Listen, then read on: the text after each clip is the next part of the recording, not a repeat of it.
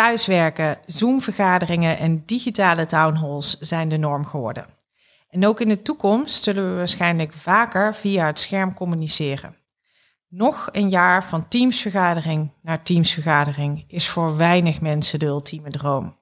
Nog langer achter dat stomme scherm dat alleen maar energie kost. Maar is dat echt zo? Welkom bij de Je staat nog op mutecast. Ik ben Maartje van Bavel, eigenaar van Speech Republic en samen met mijn collega Beert Beukenhorst nemen we in deze podcast de grootste online communicatievooroordelen onder de loep. Feit en fabel wordt hier van elkaar gescheiden.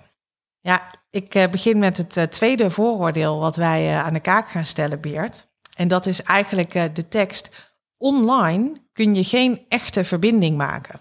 Ja, ja. Reageer maar eens. Inderdaad. Ja, ja volgens mij, uh, iedereen die ooit wel eens boos is geworden, heeft gelachen en misschien zelfs wel een traantje heeft gelaten achter een scherm, die heeft verbinding gemaakt. Uh, als het niet met de ander is geweest, dan is het wel met zichzelf. Ja.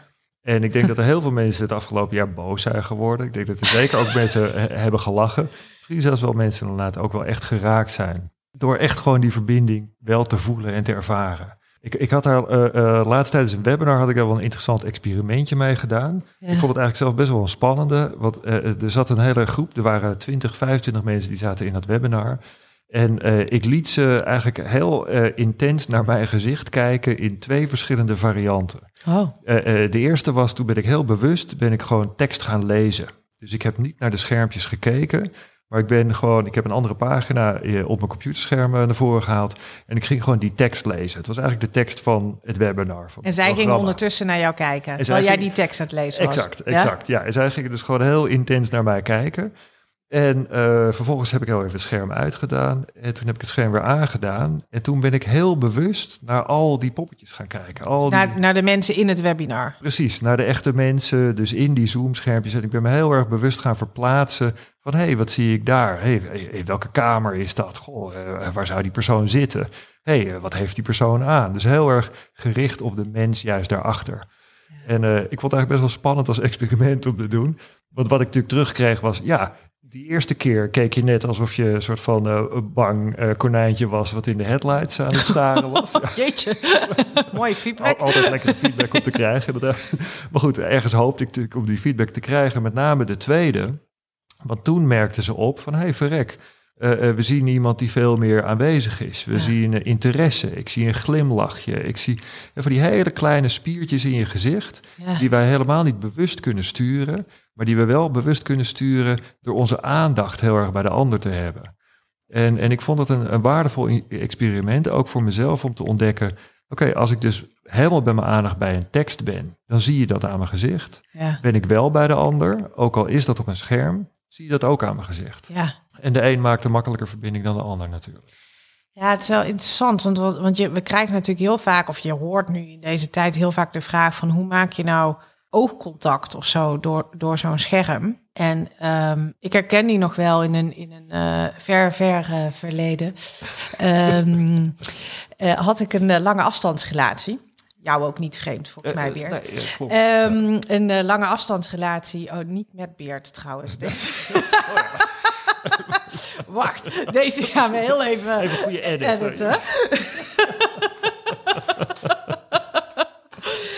Um, in een uh, ver, ver verleden had ik een, uh, een, een, lange afstandsrelatie. En toen uh, ging dat bellen nog zeg maar via, via Skype. Ik weet niet of dat nu eigenlijk nog steeds... Ik zit altijd in Teams en Zooms en ik zit niet meer veel in Skype. Zou er iemand nog Skype gebruikt? Goede vraag. Ja, ja. ja. Die hebben dat ook. Ja, ik word duidelijk... overspoeld met appjes van allemaal mensen die zeggen: ja, tuurlijk gebruik ik nog Skype de hele tijd. maar het klinkt alsof ze heel erg een boot gemist hebben. I don't know. um, maar toen moest ik altijd via Skype uh, uh, bellen. En ik zeg heel eerlijk, op menselijk niveau miste ik toen wel het oogcontact. Gewoon met mijn partner. Ik kon nooit mijn partner in de ogen kijken toen dat is natuurlijk iets wat we nu ook hebben met die Zoom-meetings en met die team-meetings die er lopen. Maar ik denk ergens, het, het antwoord is niet doen alsof we wel oogcontact hebben. Want, want dat zie je nu heel vaak gebeuren. Dat er dan het advies wordt gegeven dat je in de camera moet gaan kijken en niet naar de uh, mensen die je ziet op dat scherm eigenlijk. En het is heel raar en heel onnatuurlijk om een soort van in een camera te kijken, terwijl je daaronder eigenlijk twintig gezichtjes ziet staan in je scherm die jou aan zitten te kijken, maar jij mag daar dan niet naar kijken. Ik denk eigenlijk, en dit is een oproep aan alle technische bobo's die er zijn in deze wereld. Ga nou eens zorgen dat die camera achter dat scherm komt te zitten. Ja. Uh, zodat we gewoon echt oogcontact kunnen gaan maken via een scherm. Mensen, dit moet toch mogelijk zijn. Dat is echt mijn, mijn vlammend betoog voor iedereen die meer technisch verstand heeft dan ik zelf. En dat is bijna de hele wereld.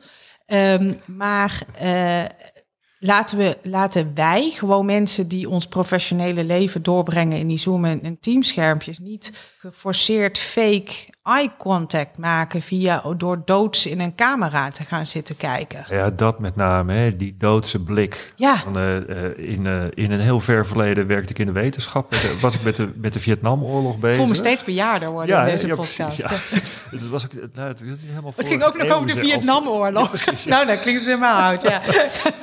Nee, maar je hebt een hele beroemde foto van een man en die, die, die, die heeft een soort van blinde staar. Een soort van de, de, de thousand yard stare, zo heet de foto geloof ik zelfs.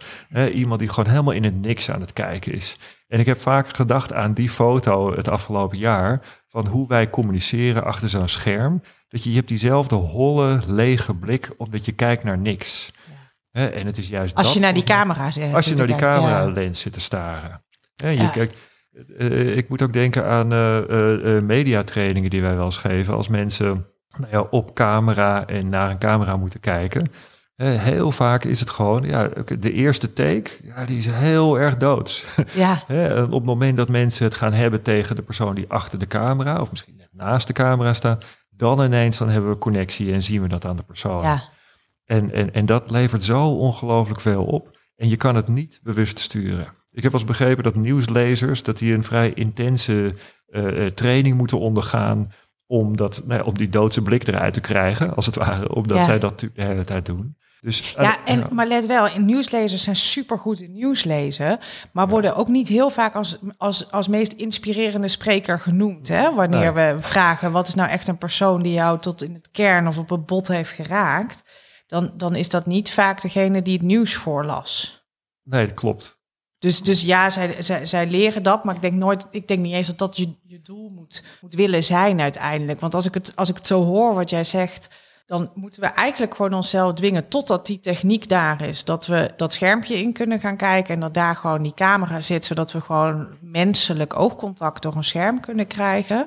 Moeten we gewoon bezig zijn met letterlijk kijken naar de mensen met wie jij op dat moment in gesprek bent. En ik denk, als je het dan hebt over digitaal communiceren, probeer dan ervoor te zorgen dat je zoveel mogelijk mensen op je scherm kunt zien. Volgens mij zit daar, zodat je zoveel mogelijk de mensen ziet met wie jij op dat moment in gesprek bent. Of dat nou je team van vijf personen is, of een congreszaal van honderd, of ja, dat zijn geen congreszalen nu, maar een digitale congreszaal van honderd man. Laten we zorgen dat we die mensen zien.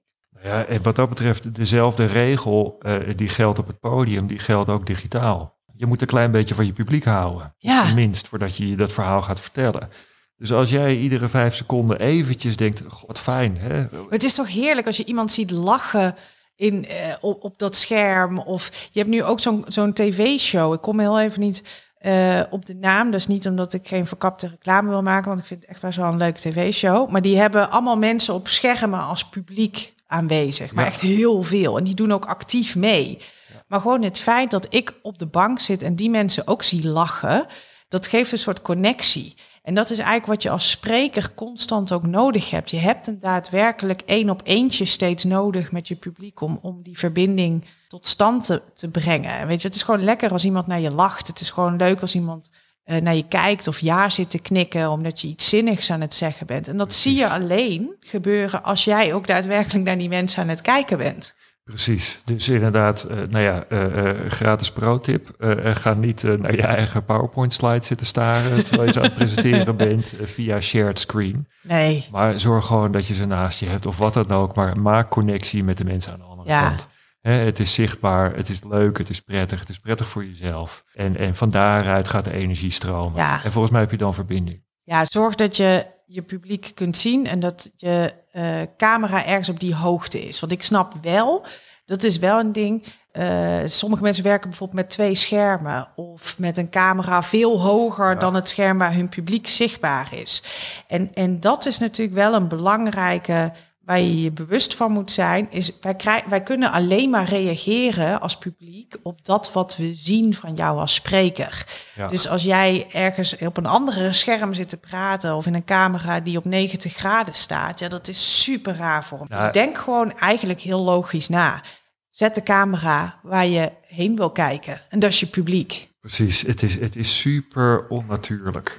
Uh, wat jij zegt, dat voorbeeld van oké, iemand van de zijkant bekijken terwijl die naar een scherm kijkt en dus kennelijk met jou aan het communiceren ja, dat, bent. Dat is zo verwarrend. Dat gaat niet. Ik heb dat ooit een keertje meegemaakt en ik zat dus de hele tijd te denken, god, tegen wie is die persoon eigenlijk aan het praten? Ik dacht, oh ja, verrek, hij is tegen mij aan het praten. die gedachte wil je niet tegelijkertijd ook nog eens in je hoofd hebben, terwijl je al juist wil inzetten op connectie en je, en je, en je punt maken. Ja, ja, helemaal eens.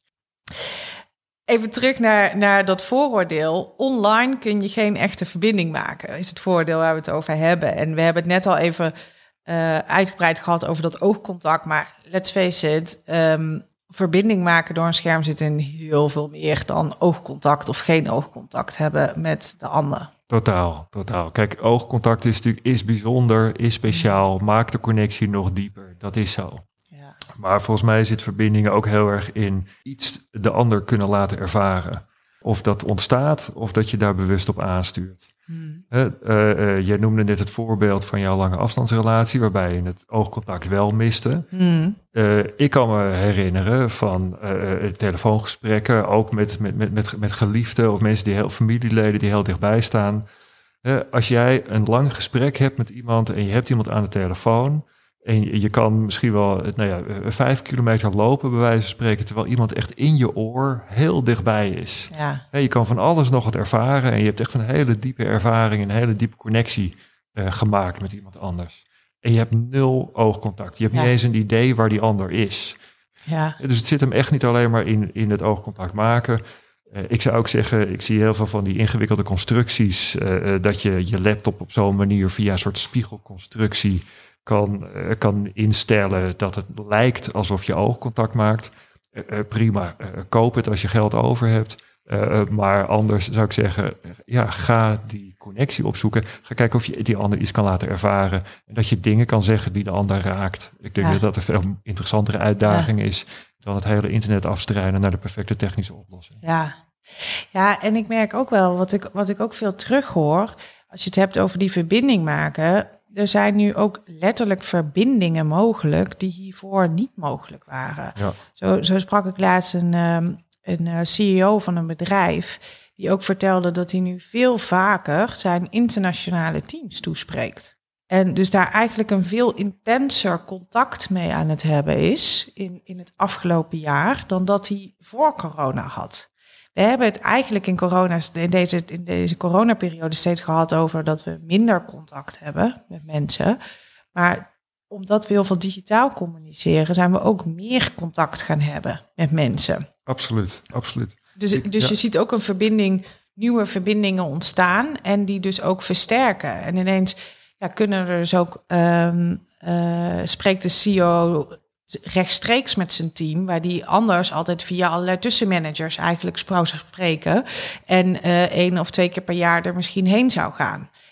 Absoluut, absoluut. Ik heb aan het begin van de coronacrisis uh, uh, heb ik een, een merger meegemaakt. Twee grote organisaties, transatlantisch, of globaal opereren trouwens. en nou, ze hadden natuurlijk niet gepland dat die merger precies in de coronatijd nee. zou, zou plaatsvinden. Maar de nieuwe CEO, die kon toen wel eigenlijk het hele, eh, de hele nieuwe organisatie uh, in één keer toespreken. En het was een extreem laagdrempelig town hall, waarbij iedereen van, van de IT-afdeling tot aan de, de, de, de top, iedereen die kon aanwezig zijn, iedereen die kon inbrengen ook. En de reacties die ik daar ervaarde en die, die, die ik daar hoorde, dus dat mensen het extreem waardeerden dat die verbinding dus zo laagdrempelig was. Dat het zo makkelijk was. Ja. Een ander voorbeeld merk ik ook dat uh, je zei van CEO's kunnen hun internationale teams makkelijker toespreken. Ja. Maar andersom heb ik ook vaak gehoord van mensen lager in de organisatie vinden het veel makkelijker om een afspraak te maken met de CEO. Omdat die agenda die is wat flexibeler in te delen. Je weet, oké, een timeslot van 15 minuten is ook een timeslot van 15 Ja. minuten. En hoeven niet nog eerst oké, afspraak naartoe te rijden, weet ik veel. Ja, maar in, die, in, in, in de pre-coronatijd is het ook eh eh, awkward om een afspraak van 15 minuten te hebben. Want als je daarvoor van Amsterdam naar Rotterdam moet rijden, ja, dan voelt het toch gewoon onbeleefd om iemand na 15 minuten weer te zeggen: Goh, ik eh, heb mijn volgende afspraak. Je hebt, je hebt vaak nog niet eens je koffie op. Maar online kun je heel makkelijk gewoon 15, 20 minuten met, met elkaar praten. En, en ik denk dat dat ook een reden moet zijn voor mensen om juist de gesprekken te gaan voeren met iedereen die ze zo graag misschien wel in de pre-coronatijd hadden willen hebben. Ja, het is grappig hè, dat juist het afpellen of het snoeien van die sociale conventies. We moeten even eerst koffie drinken en even babbelen. En ik wil eerst even vragen aan hoe je het gaat, bij wijze van Ja. Hè, die kunnen we snoeien door gewoon snel een Zoom-call in te, eh, in te plannen. Maar dat levert dus uiteindelijk in potentie ook extra verbinding op. Ja. En tijd van paradoxen. ja, maar volgens mij zijn we er wel over uit. Overal zou ik zeggen, volgens mij is dat, kun je online, kun je zeker wel echte verbinding maken. Absoluut, absoluut. 100% van overtuigd. En gebruik het dus ook niet als disclaimer dat het niet kan. Ga er gewoon zelf voor zorgen. Dat jij degene bent die verbinding gaat maken door dat scherm heen. Exact. Dat was het weer voor deze aflevering van de Je staat nog op Mutecast. Vond je het leuk? Vergeet je dan niet te abonneren op de podcast via Spotify. En laat daar ook zeker een review voor ons achter. We horen heel graag van je. In de volgende aflevering van deze serie gaan we inzoomen op het feit dat online communiceren gewoonweg zoveel meer energie lijkt te kosten. Wil je sowieso meer weten over communiceren in een online context? Bezoek dan onze website speechrepublic.nl.